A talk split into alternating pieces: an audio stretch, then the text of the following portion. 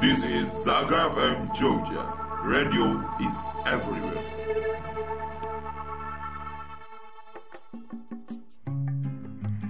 Assalamualaikum warahmatullahi wabarakatuh. Disiarkan dari Studio 1 Masjid Gede Kauman Yogyakarta 107,9 Radio Saka Media Silaturahim. Hai sahabat setia semuanya. Gimana nih kabarnya sore hari ini? Mudah-mudahan sahabat setia semuanya masih dalam keadaan sehat ya. Karena kita tahu sendiri nih Cuaca di Jogja akhir-akhir ini tuh selalu dirundung hujan.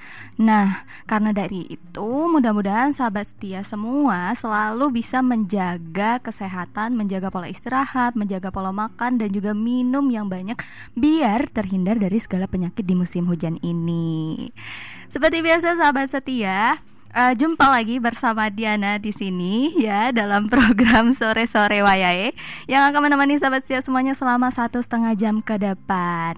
Kalau di hari Kamis sore sore wayahe bakal ngobrolin asik seputar buku. Gak cuma Diana dan Salma juga nantinya ya karena akan ada narasumber yang inspiratif banget di studio Saka nanti. Saya banget kan kalau sahabat setia melewatkan sore hari ini akan ada informasi yang menarik dari narasumber yang uh, bisa mengedukasi dan juga memotivasi sahabat setia semuanya.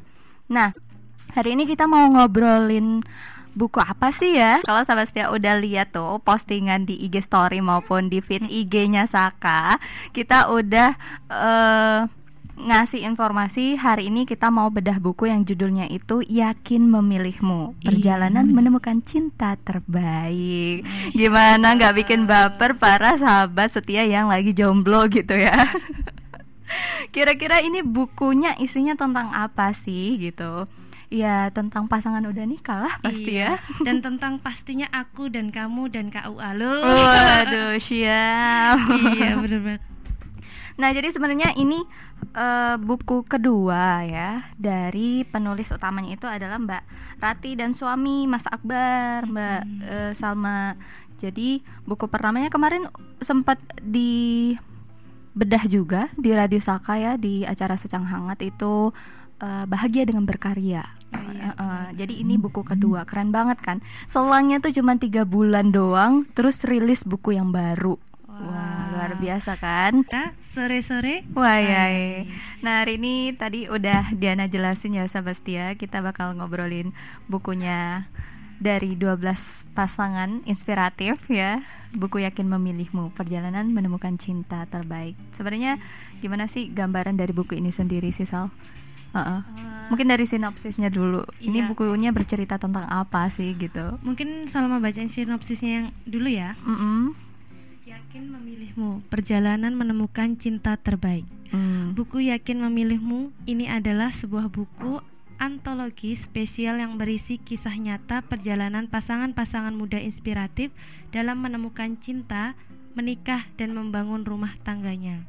Selain sakral dan bersejarah, baik pernikahan maupun berumah tangga mempunyai makna yang mendalam – sebagai salah satu pembelajaran dalam hidup seseorang, sehingga buku ini cocok menjadi kado istimewa dan dibaca para single lillah yang hendak menikah.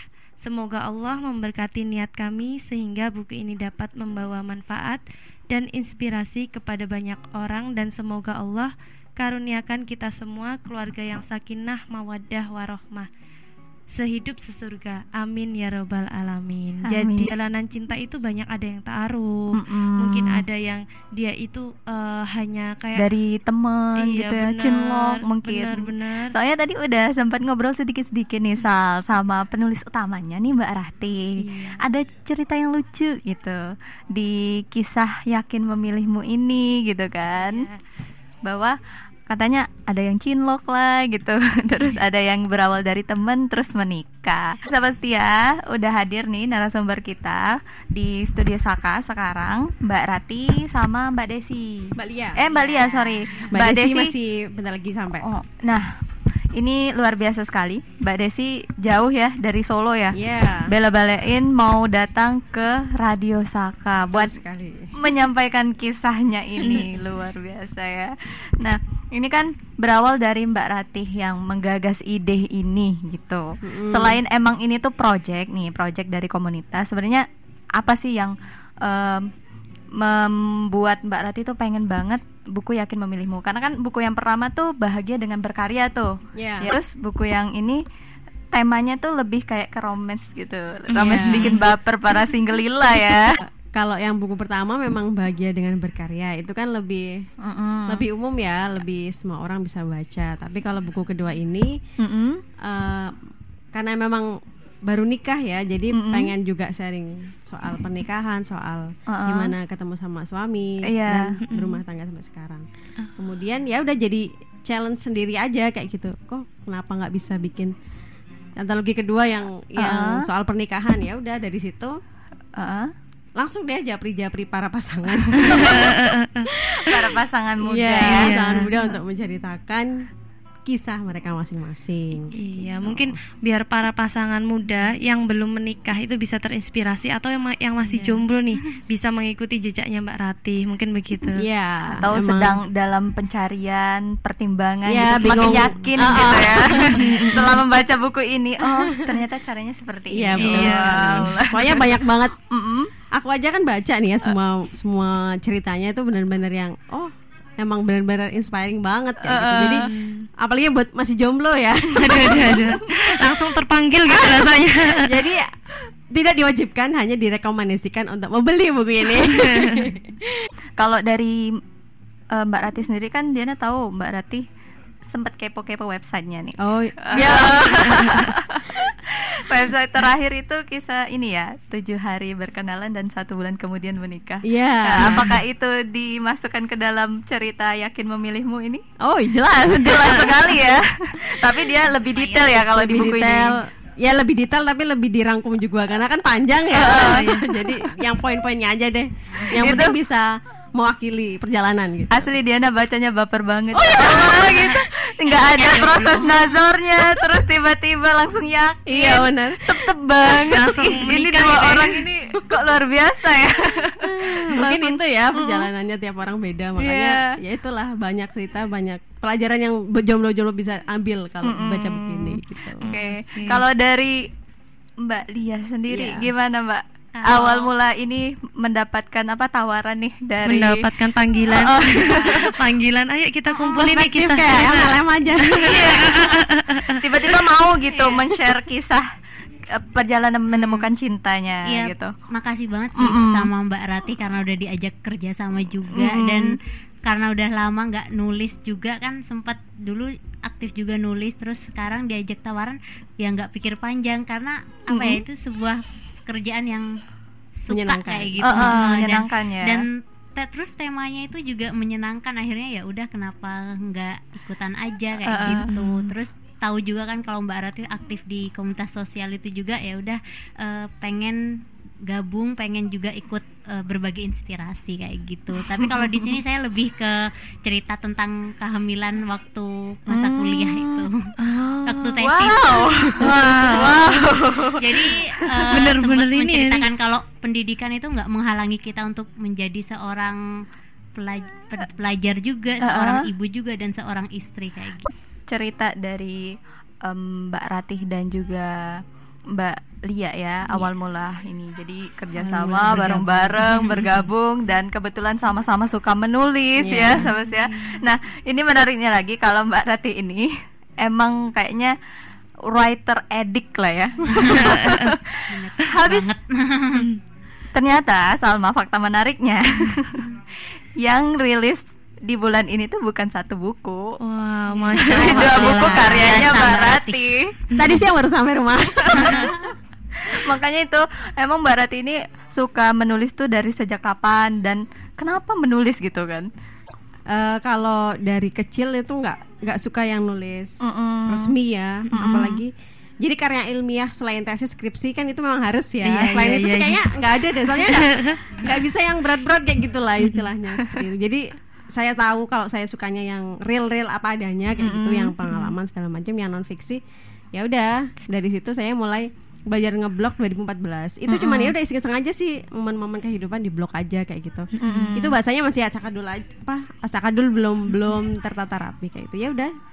Dan kontennya apa pun di situ. Iya apa aja kayak gitu. Jadi sebenarnya lebih ke kebenar keberanian aja sih kayak gitu. Mau itu kontennya apa aja itu terserah kayak gitu. ya. Ya pede aja kayak gitu. Kayak gini kan sebulan jadi jadi buku. Padahal ya kisahnya sebenarnya cuman kita membukukan aja kan apa yang Ah. sudah kita lewati. Kisah jadi nyata kita itu. tuh punya naskah sendiri masing-masing tinggal bagaimana menuliskannya itu dalam sebuah naskah asli kayak gitu. Jadi eh, Diana punya naskah sendiri tentang kehidupannya sampai S1 S2 segala macam. Alma juga kan sebenarnya itu tinggal dibukukan aja kayak gitu. Entah itu mau dibaca orang atau enggak itu itu no- nomor nanti kayak gitu. Yang penting kita bisa membuat buku dulu. Kayak gitu. At least itu bermanfaat untuk anak kita misalnya atau keluarga kita kecil kayak gitu. Dari hal-hal kecil misal biasa nulis di caption Instagram terus di di hike lagi kayak gitu kan.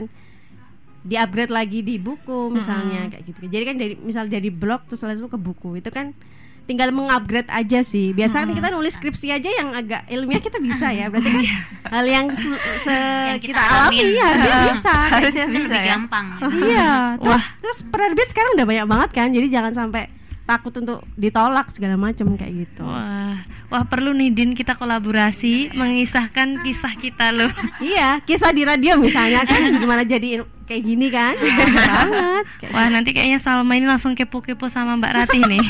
Gimana Mbak ajarin dong Din. boleh boleh Oke, balik lagi ke buku nih Mbak. Kira-kira ada eh, kisah mana yang apa Mbak Ratih sangat suka di dalam buku ini nih? Yang Mm, dari cerita bisa teman-teman. Kalau kisah sendiri kan pasti ya Iya. senyum-senyum sendiri lah ya.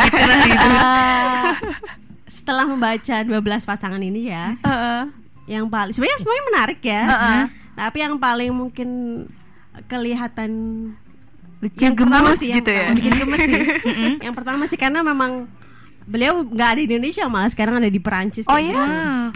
Apa Jadi tuh? judulnya aku kamu dan jarak. Waduh. Ah, LDR ini berarti. Ya memang saya eh, tempatkan di depan biar biar wow aja. memancing Memancing ya. Jadi Mbak Anissa sama Mbak Amin ini ketemu Mm-mm. Dulu SMA kemudian kuliah yang satu di ITB Mm-mm. langsung di Prancis ke- kemudian Mbak Nisanya eh, di Solo S2-nya di UGM tapi sempat ke Prancis juga sebulan jadi mereka ya udah lepas tangan kayak gitulah nggak komunikasi Heeh. lalu setelah lulus dilamar lah langsung Wah. sekarang dibawa ke Prancis Wow. tapi dibawa ke Prancis itu setelah 8 bulan menunggu karena beberapa kali visanya itu ditolak sama pemerintah sana Mm. jadi setelah nikah kan ibaratnya honeymoon segala macam Mm-mm. mereka harus pisah kayak gitu dan GR. 8 bulan itu menunggu sekarang lagi di Prancis Berarti sekarang udah nggak ada jarak nih udah. ya udah ada jarak terbayar sempat jaraknya sempat eh, keguguran juga segala macam beliau jadi Ya Allah. Eh, LDR keguguran segala macam itu ada di buku ini jadi mereka ceritakan Hmm. untuk disaring diambil inspirasinya itu sih paling ada perjuangannya masing-masing ya benar Tuh. Kalau untuk Mbak Lia sendiri gimana ceritanya Mbak? Awal suka menulis gitu? Eh, awalnya ya di blog juga Sama ya? Eh, dulu- Anak blogger ini kayaknya ya Blog, Perkumpulan tapi, tapi sudah udah lama itu makin makin jarang nulis di blog akhirnya waktu lulus S1 sempat kerja kayak nulis berita gitu Wah Hmm. keren banget tapi karena Jurnalistik gitu ya? iya Mm-mm. dulu komunikasi penyiaran Islam juga kan jadi Oh. nulis-nulis berita terus akhirnya Heeh. karena kalau cari berita tuh kan kita juga harus tahu jalan nah saya ini agak nggak tahu jalan daerah Jogja gitu jadi cuma bertahan berapa bulan gitu enam bulan aja Heeh. habis itu karena ngajar juga di sekolah terus jadi pimpinan redaksi majalah juga ini Wow. aktifnya di situ dan ketemu suami juga karena di situ jadi lewat menulis kita bertemu Aduh. Kesetiaan. Ada cinlok ya? Suami saya itu editor saya pimpinan redaksinya waktu itu Luar biasa setelah menikah karena nggak enak ya atasannya jadi tuker jabatan aja jadi suami saya pimpret saya editornya Wow gitu awalnya Keren keren Jadi bekerja karena hobi nanti jadinya iya jadi. jadi malah nggak kerasa kerja kayak gitu sama kayak gini kan Uh-uh. Tinggal nulis aja gitu tuh kayak udah menjadi suatu kebiasaan jadi itu lebih gampang kayak gitu kepo-kepo ceritanya Mbak Lia sendiri Iya. lah ya. Iya. Soalnya ini Iya. eh, kayaknya Mm-mm. apa ya keren banget. Udah masih masa kuliah tapi Iya, menikah iya. dan juga hamil ya. Iya sebenarnya itu nggak ada dalam rencana hidup saya kayak gitu tapi nggak tahunya Allah itu memberikan yang kayak gitu dan itu mengajarkan banyak hal sih jadi harus lebih strong kayak gitu kan Mm-mm. jadi eh, nggak taunya nikah di semester 3 terus Masya hamil Allah. itu saat memulai tesis sempet deg-degan nih Aduh. dan antara bahagia dan bisa nggak ya kayak gitu wajar lah ya karena kita pengennya kan eh, Mhm. fokus tahunya tuh bisa nggak sih ini tuh bisa fokus dan waktu itu tesis saya juga dapat dana hibah dari Kemenristek Dikti Hmm. dan itu kan banyak banget luaran tesisnya kayak proseding, Uh-uh, jurnal, uh-uh, Sinta 2 kayak gitu. Jadi saya ditargetkan oleh tim juga harus selesai dalam enam bulan semuanya itu dan oke lah kita kerjakan dan itu yang benar-benar berjuang banget waktu itu masih kerja juga. Heeh. Jadi pagi kerja biasa siang terus kuliah dan itu ngerjain semua laporan-laporan. Terus ya tidur bisa kebayang lah cuma berapa jam waktu itu. Masya Allah. Masya Allah. Nah, ya, yang bikin penasaran tuh kan eh, Mbak Lia semester 3 Mm-mm. tiba-tiba dihitbah gitu. Iya. Eh, ini kan adalah niatan yang baik gitu Mm-mm. kan. Eh se muncul keputusan Untuk saya yes bisa gitu. Iya. Yes gitu ya. Yesnya itu Uh-uh. karena ngerasa semua prosesnya mudah dan oh oke berarti ini mungkin jawaban dari Allah gitu dan orang tua juga mendukung waktu itu suami juga sama-sama yang kuliah juga jadi mungkin tahu posisi saya orang tua saya cuma bilang kalau kamu mau nikah kamu nggak boleh ngelarang anak saya kamu harus dukung pendidikannya kamu Uh-uh. juga eh, harus selalu mendukung pokoknya kayak gitu. Dan oke kita kerja kan bareng satu tempat kerja juga kebetulan waktu itu. Hmm. terus sama-sama ngerjain tesis juga. Jadi ya udah kita kayak Kayak- kerjain bareng-bareng terus kayak gitu jadi kita berjalan bersama ya udah saling mendukung gitu aja Wah, berjalan bersama.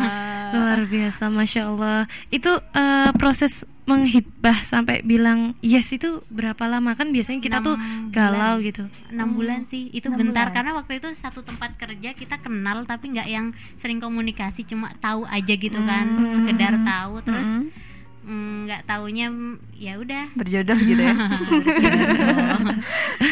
Gitu. Nggak nggak tertebak Jadi- sama sekali ya. Heeh, jadi yang awalnya teman kerja dan itu ketemu di karena sering komunikasi lewat majalah itu kan. Heeh. Jadi teman hidup. Udah, teman hidup. Nah, kalau itu tadi kisahnya Mbak Lia. Mm-mm. Di sini Salma tuh sebenarnya penasaran nih sama kisahnya Mbak Rati. Eh, gimana ketemu sama masnya, gimana membagi waktunya dengan menulis gitu dan masih banyak lainnya. Oke. Eh, singkatnya ya, saya ketemu sama suami ketika saya lagi taruh sama orang lain. Waduh. Jadi saya taruh sama orang. Eh, berarti suami lagi mengantri nih ya. Iya. Antrian ya. saking banyaknya Banyak mau, ya? di- ma- mau dibi- bikin- eh, mau dibicarain ya. saya lagi taruh sama orang terus tiga hari sebelum saya memutuskan itu Hmm. di WhatsApp sama teman yang dua tahun nggak ketemu. WhatsAppnya apa? Tiba-tiba Rati udah nikah belum? Mau taruh sama temanku nggak? Heeh. Kayak gitu terus. Ya Allah ini godaan apa kode kayak gitu kan waktu itu. Lalu ternyata yang taruh pertama ternyata belum jodoh lah ya istilahnya seperti itu. Kemudian Mm-mm. cepet move on lah, cepet. Aduh pengen yang kedua nih kayak apa? Udah cuman via WhatsApp aja perantara belum pernah ketemu sama sekali. Heeh. Baca email biodata, biodata beliau. Heeh. Seketika udah serak aja pengen nikah sama beliau.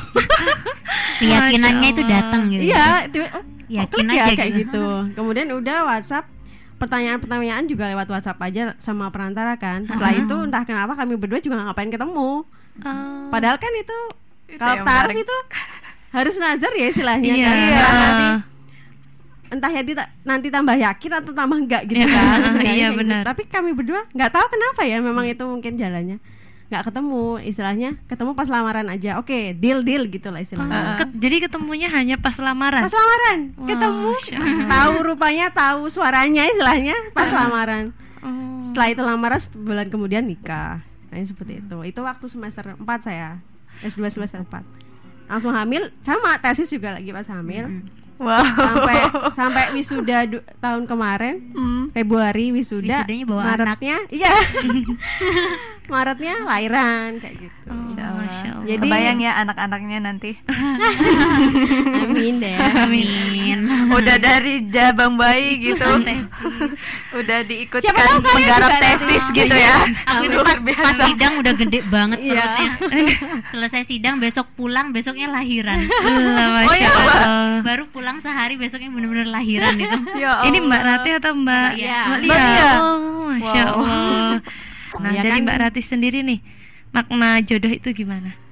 Eh, yang jelas kalau dibilang jodoh itu kan udah sampai akad ya. Setelah itu walau alam ya nanti mau berakhir seperti apa kayak gitu. Kalau harapannya kita sih berjodoh sama orang yang memang kita suka juga, kemudian cocok dan nyambung sampai banget memisahkan sebenarnya kayak gitu. Cuman kita nggak bisa menjamin seperti itu kan. Mm-mm. Kalau konteksnya kayak tadi sih sebenarnya kalau udah terjadi berarti ya udah memang itu jodohnya seperti itu jalannya. Cuman ke depan ketika eh, berjalan kan kita nggak pernah tahu bagaimana hati itu berbolak-balik kan. Siapa tahu nanti dia bisa cinta lebih cinta malah sama suami yang sekarang. Tapi yang jelas eh, sekarang surganya beliau ada di surga eh, ada su- ada di suaminya kan. Jadi istilahnya ya udahlah harusnya move on kayak gitulah istilahnya. Tapi emang kayaknya butuh proses ya Mbak. Iya, pasti 8 butuh proses. tahun. Iya, 8 tahun.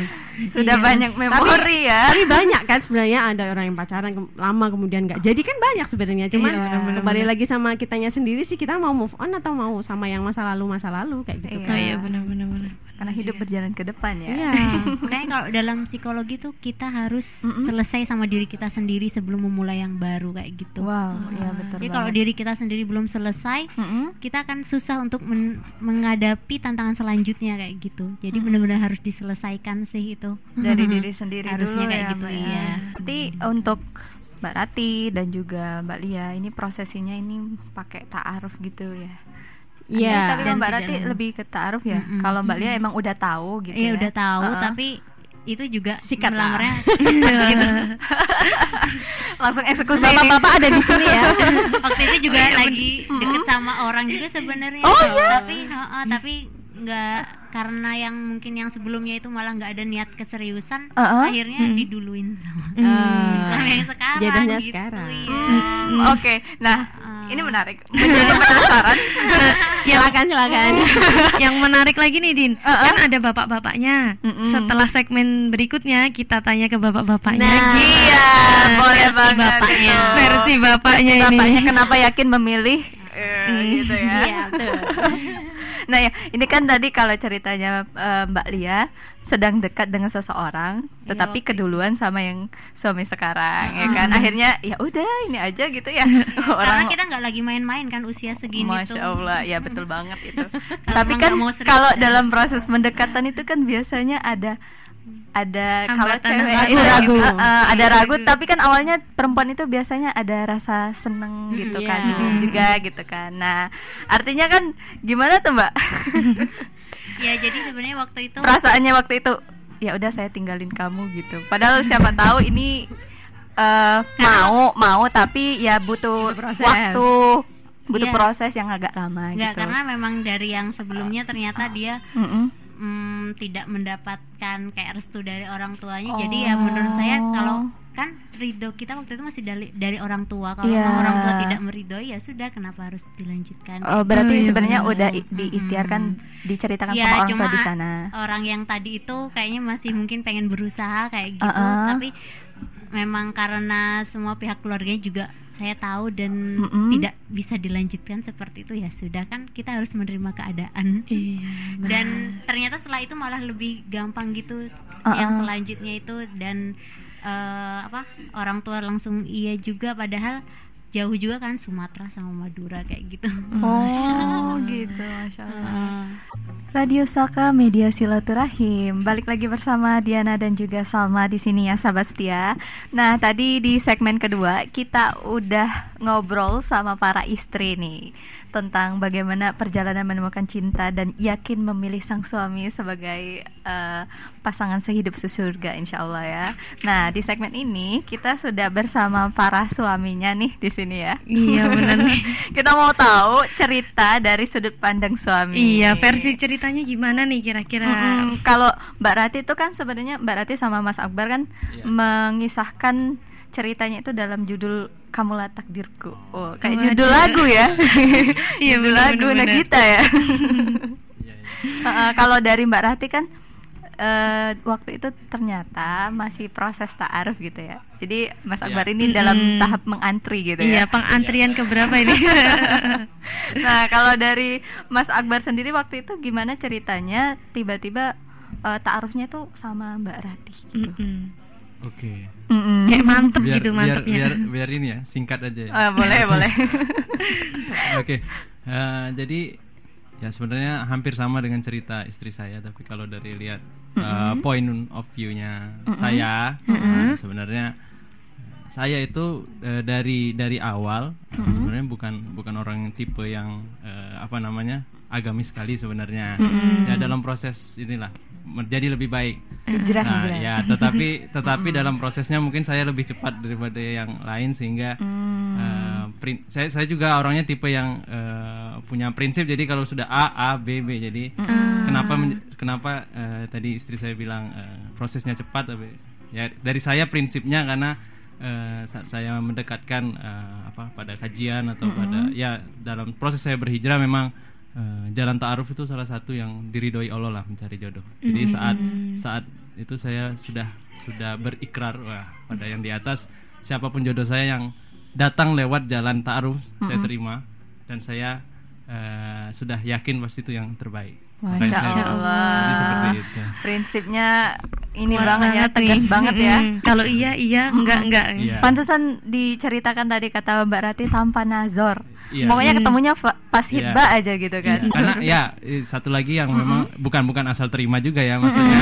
saya juga berdoa terus berdoa dan apa namanya memang dalam dalam hati memang sudah punya tipe pasangan tuh seperti apa dan lain sebagainya dan nggak tahu ajaibnya atau tidak lihat proposal istri saya ya itulah yang saya doakan. Hmm. keluar semua di istri saya. Maksudnya eh, apa-apa yang menjadi apa yang pengen eh, saya peroleh dari pasangan nanti Heeh. ternyata di CV-nya istri saya sudah cocok gitu semua. ya. ya sudah saya sudah nggak nggak mikir apa apa lagi. Maksudnya tidak tidak banyak drama-drama lagi ya sudah langsung mantapkan saja nah, seperti itu Nih, Salma nih kepo nih Din. Eh, gimana sih Mas Akbar kok bisa apa tanpa nazar itu terus yes kayak gitu loh.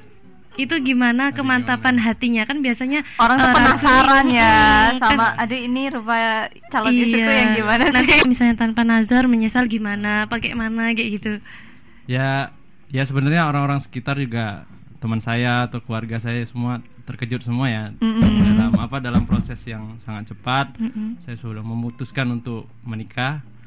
Ya tapi ya itu perjalanan. Ya mungkin karena eh, saya tidak bisa menyamakan proses sama yang lain ya. Tapi kalau saya sendiri memang mungkin eh, Allah lebih eh, cepat meyakinkan pada saya.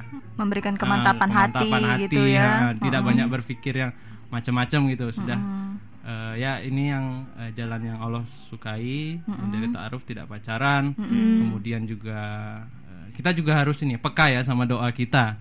Nah, kita kadang nggak peka. Maksudnya saat ada jodoh datang ke kita kita nggak peka bahwa mungkin itu eh, doa kita mungkin eh, orang yang di sekitar kita dekat-dekat kita atau eh, apa namanya eh, pasangan yang eh, kita apa namanya kalau misalnya ada orang yang dekat kemudian kita merasa eh apa sih orang ini?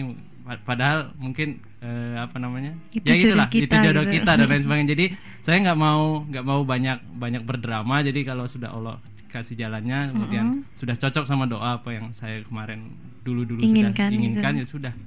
Ya itu memang perjalanan orang beda-beda ya. Tapi saya alhamdulillah dimudahkan untuk pemikiran yang hal-hal yang eh, duniawi yang terlalu eh, yang membuat tidak yakin tuh lebih lebih sedikit lah dibanding eh, lebih banyak lebih banyak eh, keuntungan menikahnya. Saya selalu Ah. ya salah satu tipsnya memang kita banyak-banyak belajar eh, apa namanya ya ikut kajian pranikah dan lain sebagainya supaya tahu eh, keuntungan nikah tuh jauh lebih besar dibanding kita menunda-nunda nikah. Nah Ah, itu. oke.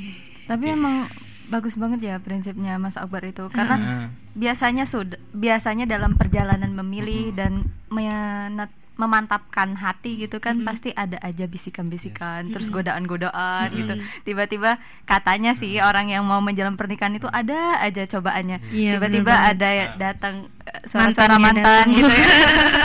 Atau suara-suara yang lainnya yang lebih menarik gitu kan. Padahal kita lagi proses ini. Itu wow luar biasa banget. Berarti emang harus banyak-banyak berdoa dan juga peka terhadap doa kita sendiri ya gitu Benar. Nah nih, kalau tadi dari versinya Mas Akbar. Mm-mm. Sekarang nih balik nih ke Mbak Lia. Eh, Iya benar. Suaminya Mbak Suaminya Lia. Mbak Lia. Nah tadi Mbak Lia bercerita nih sebenarnya hampir mirip dengan kisah Mbak Ratih, di mana sebenarnya Mbak Lia itu sebenarnya ada pasangan tapi tidak direstui oleh orang tuanya. Nah terus tiba-tiba hadirlah Mas Lukman yang menghitbah. Aduh, masya Allah. Gimana nih ceritanya Mas? Terus teman satu kerjaan lagi gitu ya sebenarnya. Mm-mm. Eh, awal mulanya sih. Mungkin saya coba flashback itu kenapa saya bisa memilih seorang Lia Kaulina untuk menjadi istri? Mencoba untuk review kenapa kok bisa dijodohkan dengan eh, seorang Lia itu mungkin itu dari doa-doa juga. Jadi doa-doa kita itu alhamdulillah sudah terjawab oleh Allah untuk salah satu doanya. Saya dari dulu waktu saya kuliah saya berdoa untuk diberikan jodoh seorang tentu ya kita mem- ini eh, men- memilih seorang perempuan itu karak dengan karakter yang sudah ditentukan oleh agama dan tentu kita juga memiliki karakter sendiri yang kita inginkan. Tapi kalau misalnya itu sudah di eh, itu dibolehkan juga sama agama ya tentu itu boleh-boleh aja ya sah-sah aja gitu. jadi dari dulu saya itu pengen punya seorang istri itu karakternya itu cantik salah satunya. Alhamdulillah cantik Masya Allah. Masya Allah, tabarakallah. Berbinar-binar ini ya. selain itu juga eh, saya juga ingin seorang istri yang hafiz hafizah seperti itu kemudian yang kaya alhamdulillah saya diberikan istri yang kaya hatinya, Hatinya. jadi Masya di antara Allah. guru-guru yang waktu saya ngajar di sekolah yang sama dengan istri itu saya ngelihat ini karakter eh, karakter seorang ustazah yang ini tuh beda gitu dekat sama anak-anak. Saya kan seorang fotografer juga dulu punya hobi dan hobi itu saya bawa ke sekolah. Saya hobi foto-foto human interest gitu kegiatan eh, kegiatan orang anak-anak gitu kan. Setiap kali saya arahkan lensa kamera saya ketika mengarah ke seorang ustazah ini ternyata itu alami maksudnya itu sikap eh, ini peduli sama anak-anak itu alami tidak dibuat-buat. Tolong ustadz foto lagi ngapain anak itu? Tidak ini ya tidak pencitraan seperti itu. Jadi saya dapatkan seorang istri yang memang kaya hatinya seperti itu. Masya Allah. Kemudian selain itu juga eh, diberikan eh, saya mohon untuk diberikan seorang istri yang pintar. Alhamdulillah saya ngelihat istri saya, masya Allah, Mampu Allah. untuk menyelesaikan S2 dengan segitu banyaknya kegiatan, tanggung jawab dan amanah. Dia mampu untuk menyelesaikan tepat waktu. Satu hari setelah sidang tesis Langsung melahirkan anak, masya Allah itu Luar biasa ya. perjuangannya sangat luar biasa. Itu salah satu eh, beberapa karakter yang memang saya doakan dari dulu dan saya istiqomah untuk berdoa yang seperti itu. Terus sampai ketika saya ngajar di sekolah sekolah yang satu satu sekolah dengan istri saya ini, saya sebagai guru Al-Qur'an, istri saya sebagai guru tahfidz Al-Qur'an juga. Kenapa saya harus mencari tempat-tempat yang jauh untuk mencari seorang istri kalau di situ sendiri saya menemukan karakter yang sesuai dengan yang saya minta tadinya. Hmm. Alhamdulillah yang hafizah juga karena memang kegiatan saya kan juga kuliah, eh, kegiatan di sekolah juga lumayan memakan waktu, makan eh, sibuk lah intinya seperti itu. Jadi nggak ada waktu untuk main-main keluar mau ke mana nyari nyari nyari jodoh itu sulit jadi jadi ya udah saya ngelihat saya ketemu dengan karakter yang berbeda, yang unik, yang menarik. Insya Allah saya yakin yang ini. Gitu. Wah, berarti udah dimonitor ya sebenarnya dari lama. Itu ya ternyata perspektif dari para suami. Semuanya kalau dari cowok tuh lebih ke doa gitu ya, doa-doa dan keyakinan gitu. Berarti emang kalau udah mantap ya udah langsung eksekusi aja gitu ya. Nggak usah ditunda-tunda. Gak usah ditunda-tunda ya daripada nanti banyak godaan yang lainnya meragu akhirnya ya nggak tap nggak dapet yang sesuai gitu ya. Jakarta.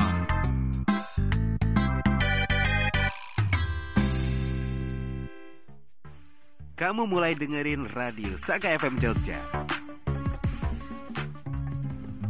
Nah, sesi ini kita ada Q&A nih.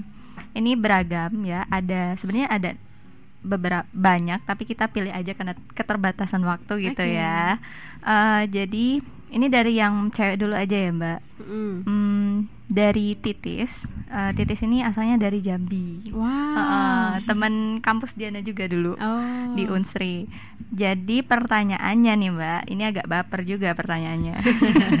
Apa tuh? Bagaimana kita yakin dengan seseorang sedangkan belum ada kejelasan, tapi cuman komitmen.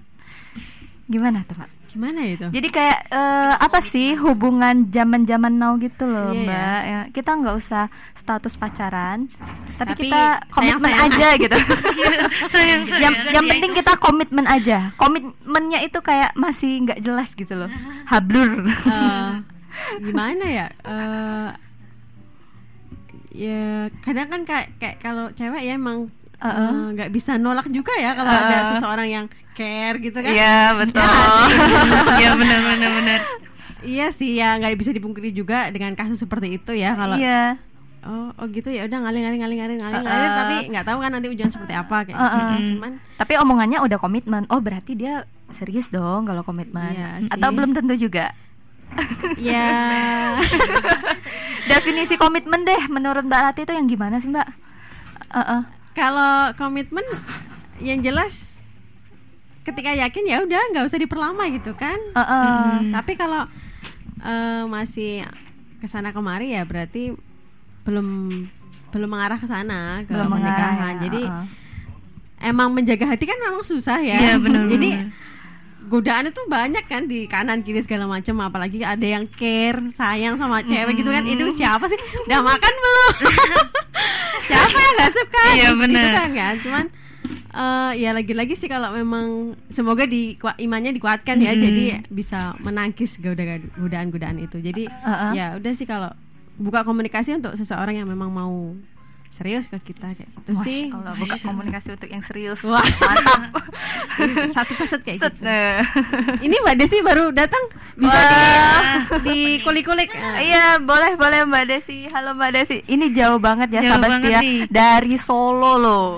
Eksklusif untuk menceritakan kisahnya dari eh, antologi buku Yakin Memilihmu, Perjalanan Menemukan Cinta Terbaik. Iya benar. Menarik banget. Tadi udah diceritain sama Mbak Rati bahwa Gimana, gimana? kisahnya Mbak Desi sama Mhm. suami ini cepet banget ya. Saking cepatnya cuma dua minggu Iya benar banget. persiapannya dan Oh. sampai selesai gitu. Iya. Mm-mm.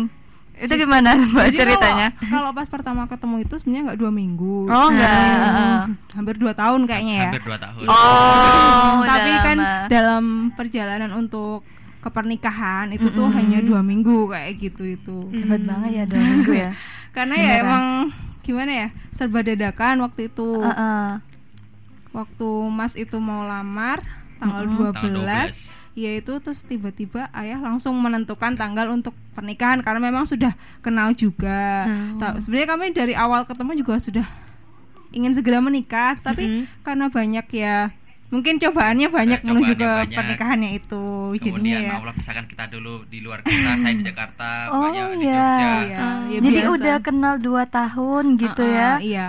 Jadi kenal hanya kayak segi, eh, say hello lah ya, cuman eh, Iya. kenal hanya kenal, belum sampai yang menuju ke situ apa gimana, Mbak? Oh, sebenarnya sih udah ya ibaratnya deket lah, deket kayak gitu. Tapi karena waktu itu sama-sama masih kuliah, waktu su- suami kan waktu itu masih menyelesaikan S1, terus saya Mhm. baru mau mu- mulai S2. Nah, terus waktu sudah selesai eh, dia keterima kerja di Jakarta ya, langsung rantau setahun. Setelah itu balik ke eh, Jogja bang- ya balik ke Jogja dapat kerja di Jogja terus menuju menikah itu juga setelah di Jogja juga susah karena memang ya ada faktor-faktor internal kayak gitu. Wow. Oke. Tapi bisa tetap lanjut gitu ya. Iya, makanya kita perjuangkan di situ walaupun Hmm. Banyak, Banyak. eh, kaitannya sebenarnya sama adat sih. Jadi Oh. suami itu orang tuanya itu adatnya terlalu Jawa Masih Jawani banget kayak gitu. Kejawen gitu Iya, kan. jadi kayak setahun nikah dua kali tuh nggak mau kayak gitu-gitu. Tapi Ah, kita iya, iya. Oh, Iya, gitu. paham. ini malah Uh-uh. aku sebagai sebagai perempuan kok kenapa keluarga laki-lakinya tuh kayak gini banget gitu maksudnya biasanya kan keluarga perempuan yang protektif Mm-mm. Iya, terhadap benar. suami kan Uh-uh. kok seperti ini terus kebetulan suami juga mau ya udahlah daripada gitu mending udah nggak usah ditinggalkan itu kan toh juga tidak eh, berdalil Islam ya Nggak ada uh-uh. syariah Islam nggak ada Budaya ya. Oke. Iya. Nah, untuk persiapannya tadi kan kata Mbak Rati itu dua minggu. Dalam Iya. dua minggu setelah itu menikah.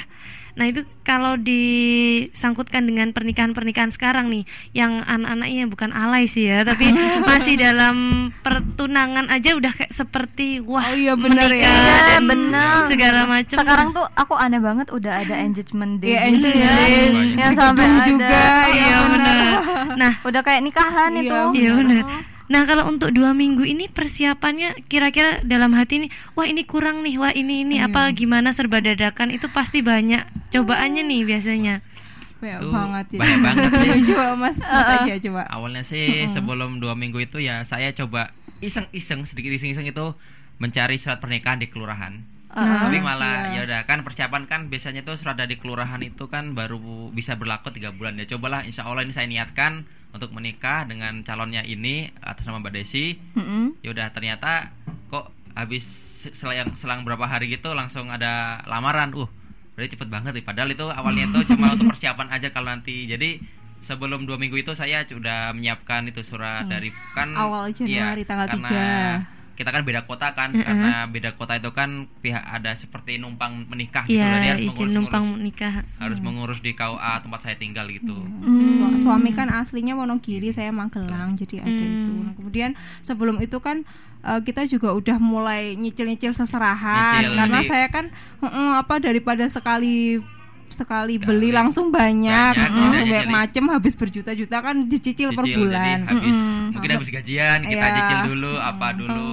Oh, jadi sebenarnya persiapannya itu menyicil-nyicilnya itu Ya udah lama, udah, Udah udah lama. Untuk yang untuk seserahan dan surat nikah, meskipun dalam perjalanan tuh kita juga sebenarnya kok nggak kok susah ke arah pernikahan tuh susah, seperti udah kayaknya kalau memang bukan jodohnya ya udah diikhlaskan. Oh, Iya, udah gitu. sampai sering itu ya.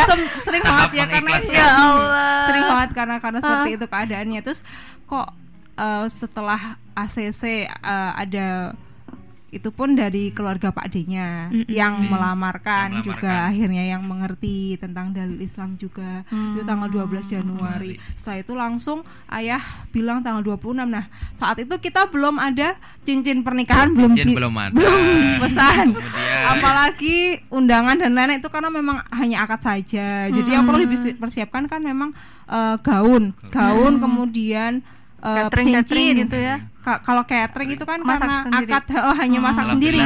Iya masak jadi itu udah dihandle sama pihak keluarga Oke. saya eh, saudara-saudara saya.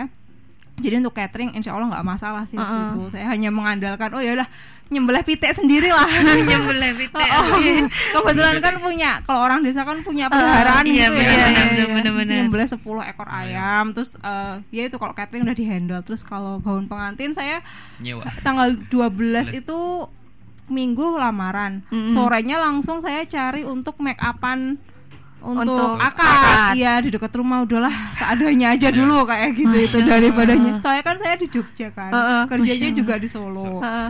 nah terus Seninnya pas sebelum pulang ke Jogja tuh saya cari dulu suntik tete kan juga belum Iya, dan lain-lain itu. tuh. yang agak ribet. Eh, alhamdulillah sih itu setengah hari bisa jadi. Setelah itu langsung cari vendor gaun di Gaun, Jogja. jalan ini ja- eh, jalan ring road utara. Ada yang bagus itu di situ syari terus dapat setelah itu sama saya sampai nggak bo- eh, sampai nggak kerja bolos kan nggak ke Solo waktu itu. Ya udah itu. Setelah itu yang belum lagi eh, seserahan kan udah beli barangnya tapi kan wadah-wadahnya gitu Wadahnya. belum Ah, ah, paham, paham. Nah, terus tuh eh, akhirnya kita daripada bikin mahal sampai empat ratus lima ratus ribu kan kadang-kadang itu Artinya beli Nah, mentahan iya, aja. beli mentahan bahan-bahannya terus, ini kita sendiri. rangkai sendiri, Rangkai Wah, sendiri. bermodalkan dari YouTube YouTube, YouTube. gitu kita punya baju sendiri DIY itu ya. Nah, oh DIY itu Di cari-cari ini. dulu terus, oh, Dilancarkan semuanya ya alhamdulillah. iya ya. dalam dua minggu itu bisa Hmm.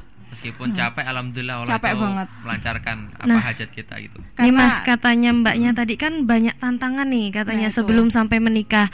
Nah kira-kira eh, bahkan dari keluarganya mas katanya eh, u- Harus nggak boleh nih iya, karena bener. kejawen segala Iya. macam. Nah itu gimana sih mas memantapkan untuk bener meyakinkan Iya, ini itu. loh bener-bener pilihanku kayak gitu. Ya pasti yang pertama itu eh, komunikasi juga orang tua. Kalau saya udah mungkin umur segini, saya udah minta untuk nikah, saya udah lulus dan udah bekerja dan insya Allah sudah bisa untuk istilahnya itu membersamai anak orang gitu. Nah dan juga kan juga ada hadis Nabi ya kalau seorang itu yang kalau udah saatnya udah menikah ya segala menikah karena eh, setiap dua insan yang jatuh cinta itu ya obatnya cuma menikah ya udah saya mantapkan itu saya tanya ke ustadz saya kemudian ke keluarga-keluarga yang lain nah, alhamdulillah banyak ada juga yang, eh, banyak yang mendukung juga Mm-mm.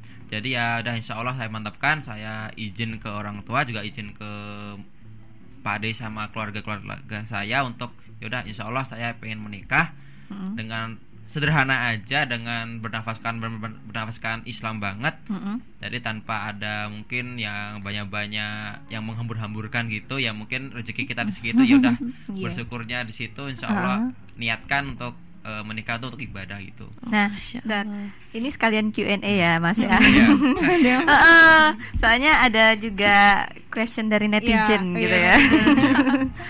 Kalau tadi itu kan bagaimana Masnya meyakinkan diri terhadap orang tua sendiri gitu ya. Nah, ini pertanyaannya dari Adam ya. Adam ini dari Palembang asalnya. Hmm, wow, jauh banget. Jadi Adam bilang gini, banyak yang bilang kalau nikah itu harus punya rumah dulu, punya bisnis dulu, terus punya mobil dulu, penghasilan besar dulu dan lain-lain. Gimana? Nah, gimana cara paling ampuh meyakinkan calon mertua? Sedangkan kita dalam kondisi hanya punya pekerjaan seadanya dengan tabungan pas-pasan. Nah. Ya Mas, itu gimana tuh Mas? Meyakinkan camer calon mertua nih. ya kalau dari saya ya udah pasti dalam saya suka sama orang itu saya juga pertama itu jangan lihat orang dulu dilihat diri kita sendiri dulu Heeh. kita yakin nggak apakah yang disyaratkan dari karena kita berpegang dari Rasulullah ya syarat-syarat dari kita itu udah cukup atau belum? Nah kalau udah cukup itu insya Allah kita majukan diri. Dan kita setelah itu lihat calonnya kita. Mm-mm. lihat keluarganya. Kan eh, ada empat yaitu agamanya kemudian dari wajah keturunan sama kekayaannya juga. Nah Mm-mm. yang penting kan satu itu agamanya dulu. Apakah orangnya itu agamanya itu bagus untuk kita? Kan memang harus sekufu. Nah, Mm-mm. biar gak ada nanti kejomplangan itu kan harus sekufu. Kemudian dari keturunannya juga kemudian dari kecantikannya kemudian dari ya tadi eh, kekayangan jadi yang penting tuh agamanya dulu lihat keluarganya track record keluarganya mungkin insya Allah kalau keluarganya yang mengerti Mm-mm. mengerti dengan agama insya Allah itu pasti akan dimudahkan contohnya itu mertua saya itu benar-benar memudahkan banget itu Masya Allah. Balik malahan ya. Alhamdulillah. Mertuanya saya malah yang nggak memudahkan. Ayah saya sendiri nggak memandang latar belakang keluarga pun Uh-uh. juga eh, pekerjaan Uh-uh. kayak gitu. Jadi Uh-uh. cinta itu nggak hanya sekedar kita cinta anaknya, tapi juga juga cinta keluarganya karena kita ini kan insya Allah kan tujuannya itu membangun rumah di surga itu untuk bersama-sama keluarga, nggak cuma di- untuk diri kita sendiri, nggak cuma untuk istri tapi untuk keluarga kita yang nanti kan nanti reuni itu reuni keluarga itu di surga itu nantinya. Masya Allah, amin. Itu ya, jadi sebenarnya lebih ke agamanya Iya. dulu lah ya, kalau untuk cara meyakinkannya. Tapi kalaupun nanti camer tetap melihat sepertinya Dari- kamu iya. tidak bisa bersama anak saya dengan kondisi yang seperti, ya sudah lah ya, berarti emang bukan jodohnya Jodohnya, gitu ya. dan pasti Allah itu akan menggantikan yang jauh lebih baik. Masya Allah ini ya. Nanti saya sampaikan kepada Adam biar dia tidak berputus asa. Karena ini agak pengalaman pribadi juga. Oh gitu. Iya ada lagi nih pertanyaan. Hmm, dari salah satu penyiar di sini balas suara Bang Dalil katanya bagaimana sih cara menentukan pasangan yang tepat untuk kehidupan dunia akhirat kita gitu Apa nih? Eh, siapa Mbak mungkin mungkin. Mbak Ratih mungkin. Mm-mm. Udah udah lama. pasangan yang tepat dunia akhirat loh. Kayaknya baru aja dijawab sih Oh iya ya. Jadi kalau eh, yang empat tadi ya, Iya, eh, jadi agama. Mm. eh, agama paling penting Mm-mm, kan paling kalau penting, dunia sih nomor sekian lah. Hmm. Nyambung tadi itu nikah nggak harus punya rumah dulu segala Iya, macam sampai kapan? Mau nunggu rumah. Oh iya, tadi banyak banget harus punya rumah dulu, Iya. mobil dulu.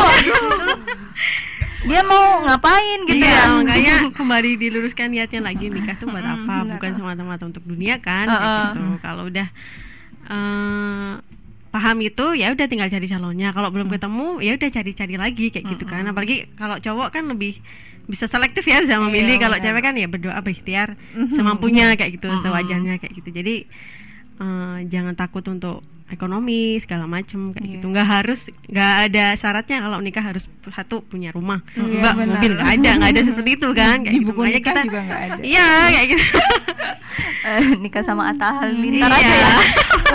kan udah dia mau. ya. Pertanyaan berikutnya ini menarik dari bala suara Mas Dana. Katanya gini pertanyaannya. Apakah jodoh bisa lebih dari satu? Dan apakah ada masa berlakunya? Jawabannya gimana ya itu ya Iya, ini mungkin dari yang eh, para suami ya kali ya. Hmm, Gimana tuh? nggak paham juga. berat ini Berat nggak? walau alam kayaknya deh. Walau alam ya. Iya, nggak Heeh. nggak bisa jodohku dia kayak gitu nggak Heeh. bisa seperti itu Mungkin ini sih. untuk kasus yang polig. Iya nggak sih? Maksudnya itu berarti jodohnya banyak ya gitu. ya juga kalau udah Heeh. ijab sah berarti memang udah jodohnya juga kan Iya, kayak gitu bener. Ya udah walau alam ya. sudah tertulis di lauhul manfus Iya.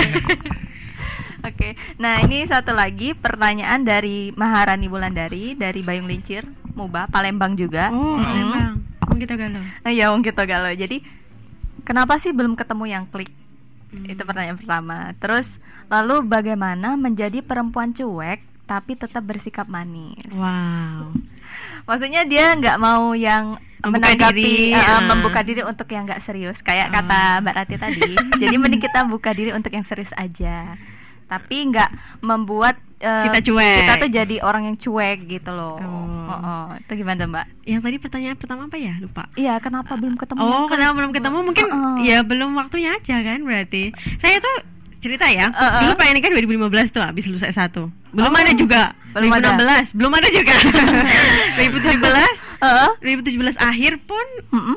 Saya ta'aruf itu November kan, berarti Mm-mm. ya butuh sekian bulan juga kan. Lalu akhirnya ketemu Mas Akbar 2018 awal itu kan. Mm-mm. Jadi ya udah emang belum waktunya kan. Berarti kan sesuatu yang kelewat itu pasti belum jadi rezekinya kita gitu aja sih. Kayak jadi kalau belum ketemu ya berarti belum saatnya. Jadi sabar sabar sabar usaha memantaskan diri kayak gitulah.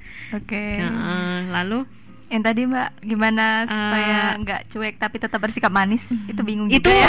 tinggal penempatannya aja sih sebenarnya. Uh-uh, Kalau uh-uh. cuek harusnya udah tahu batasan ya cueknya Uh-uh. kapan, Uh-uh. sama siapa, Uh-uh. sama orang-orang yang bersikap seperti apa itu harusnya udah tahu lah kalau mereka tiap hari intas gitu, Mm-mm. WhatsApp, Mm-mm. pojokin kayak gitu terus kan. Kayaknya harus dikat terus gitu. aja. Iya, dikat aja oh kalau tujuannya untuk eh, menikah ya ayo tapi kalau untuk bahasa apa sih sorry kayak gitu Nanti ada penegasan gitu iya ya. Luar gitu. ceweknya biasa. ceweknya sih yang harus tegas iya. Kalau dari Mbak Desi sendiri kan kalau Mbak Rati sebenarnya udah ada keinginan menikah dari tahun 2015 Iya. dan baru terjawab tahun 2018. 2018. Nah, Mbak Desi sendiri eh, udah ada keinginan menikah tuh dari kapan, Mbak?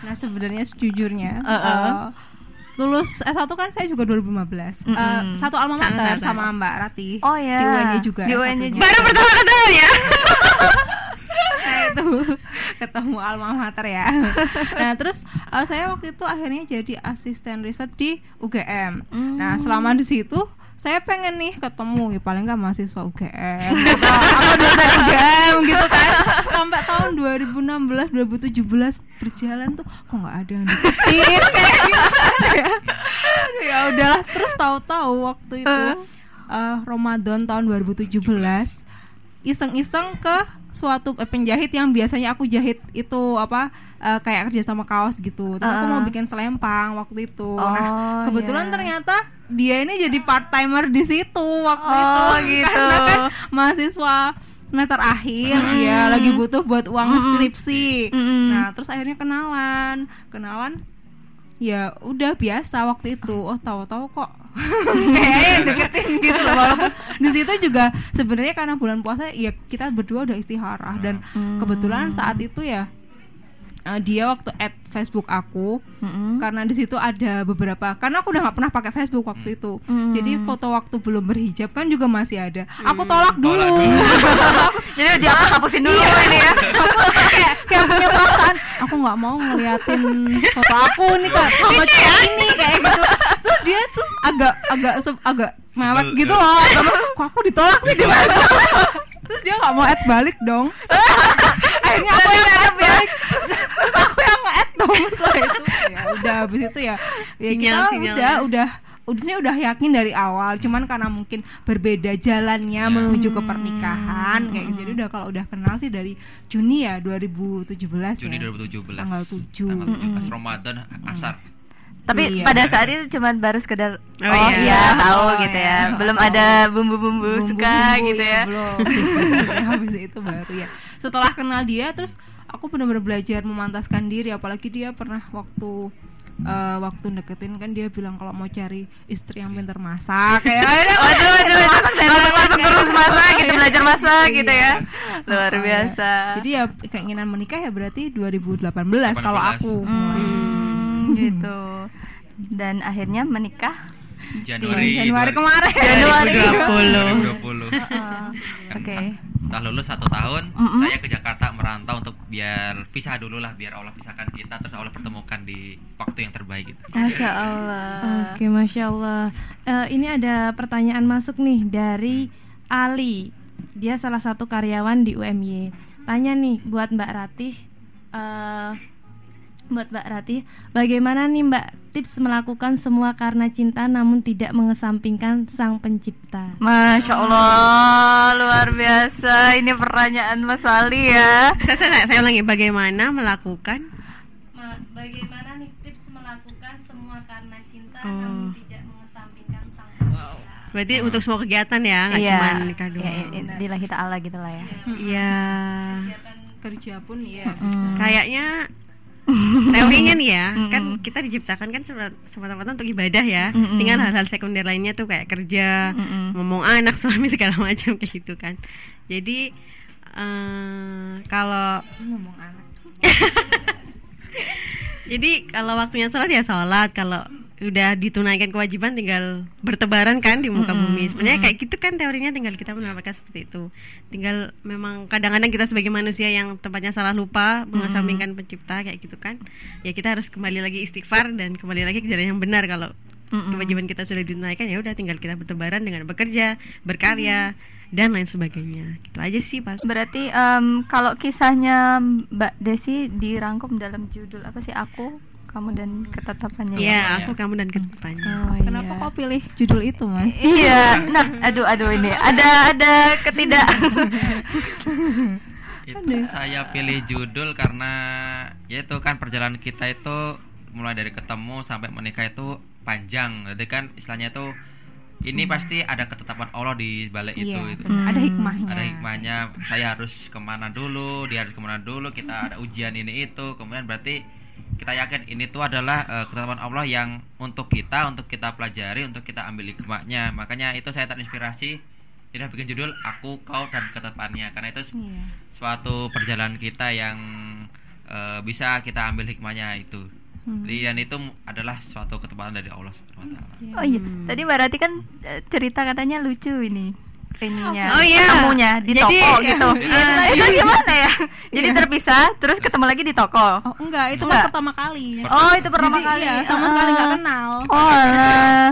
Saya itu waktu semester akhir lagi Yes. skripsi, Mm-mm. magang di tempat konveksi. Nah, Mm-mm. ternyata dia itu adalah pelanggan konveksi lama. Jadi kan Iya, saya bahasa bahasa 2013 Oke. saya kan bahasa bahasa marketing gitu kayak bahasa sales gitu loh menawarkan.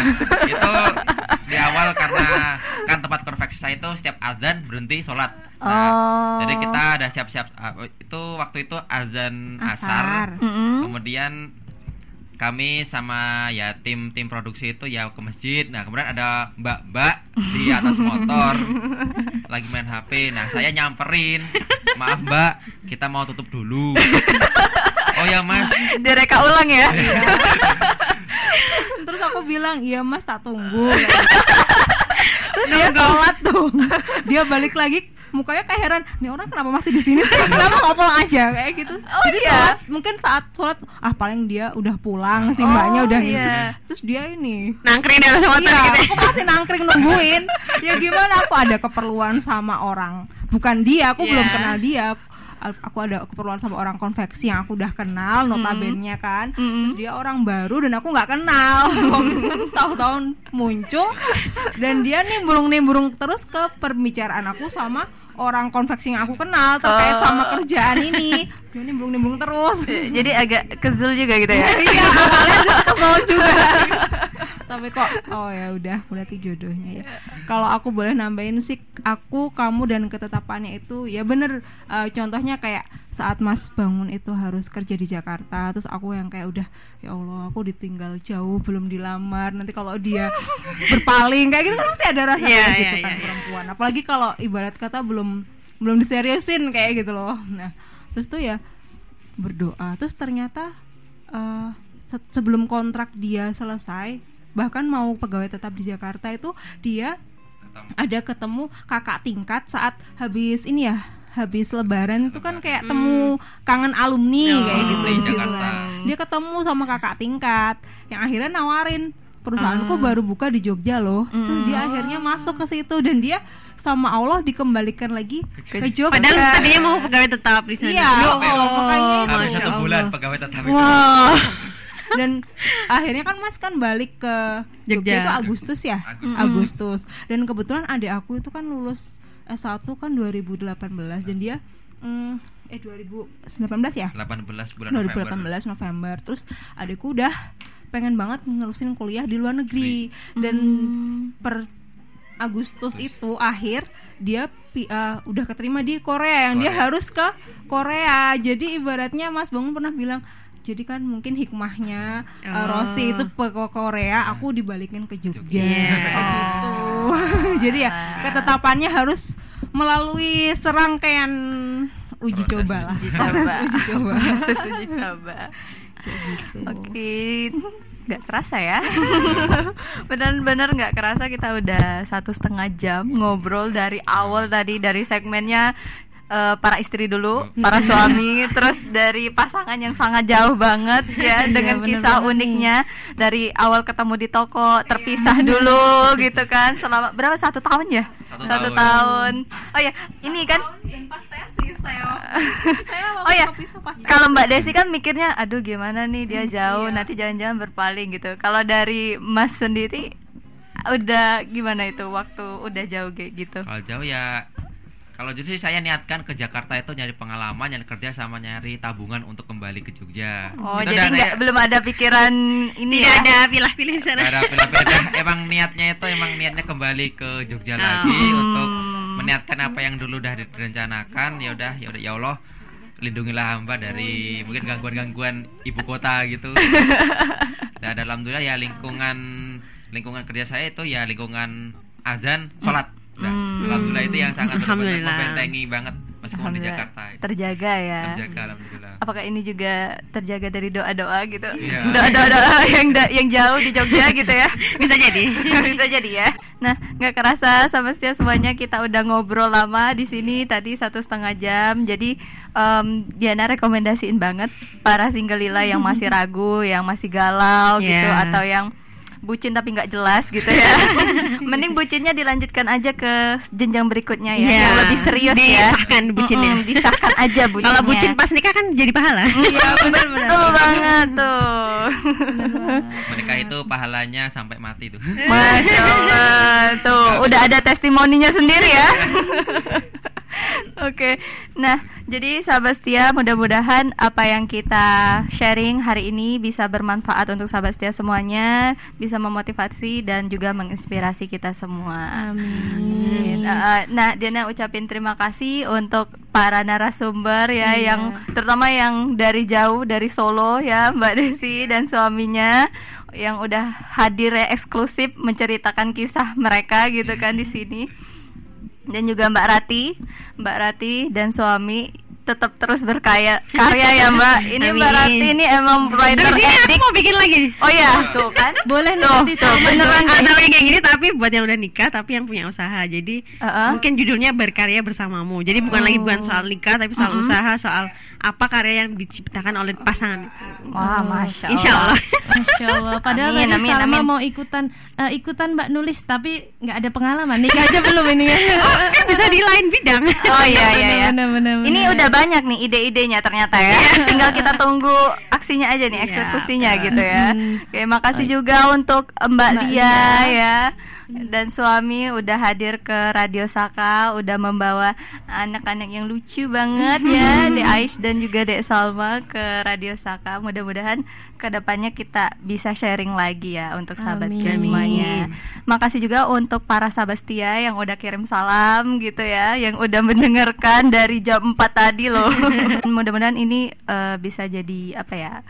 eh, penyemangat lah penyemangat. Intinya sabar aja ya kalau bagi yang perempuan. Mbak Rati loh dari 2015 ya dan baru terjawab 2018 semua itu akan indah pada waktunya. Iya, benar, gitu. iya. itu dari Diana Salma dan juga para narasumber. Eh, kita ucapkan mohon maaf kalau untuk kesalahan katanya. Kita pamit undur diri dengan mengucapkan salam.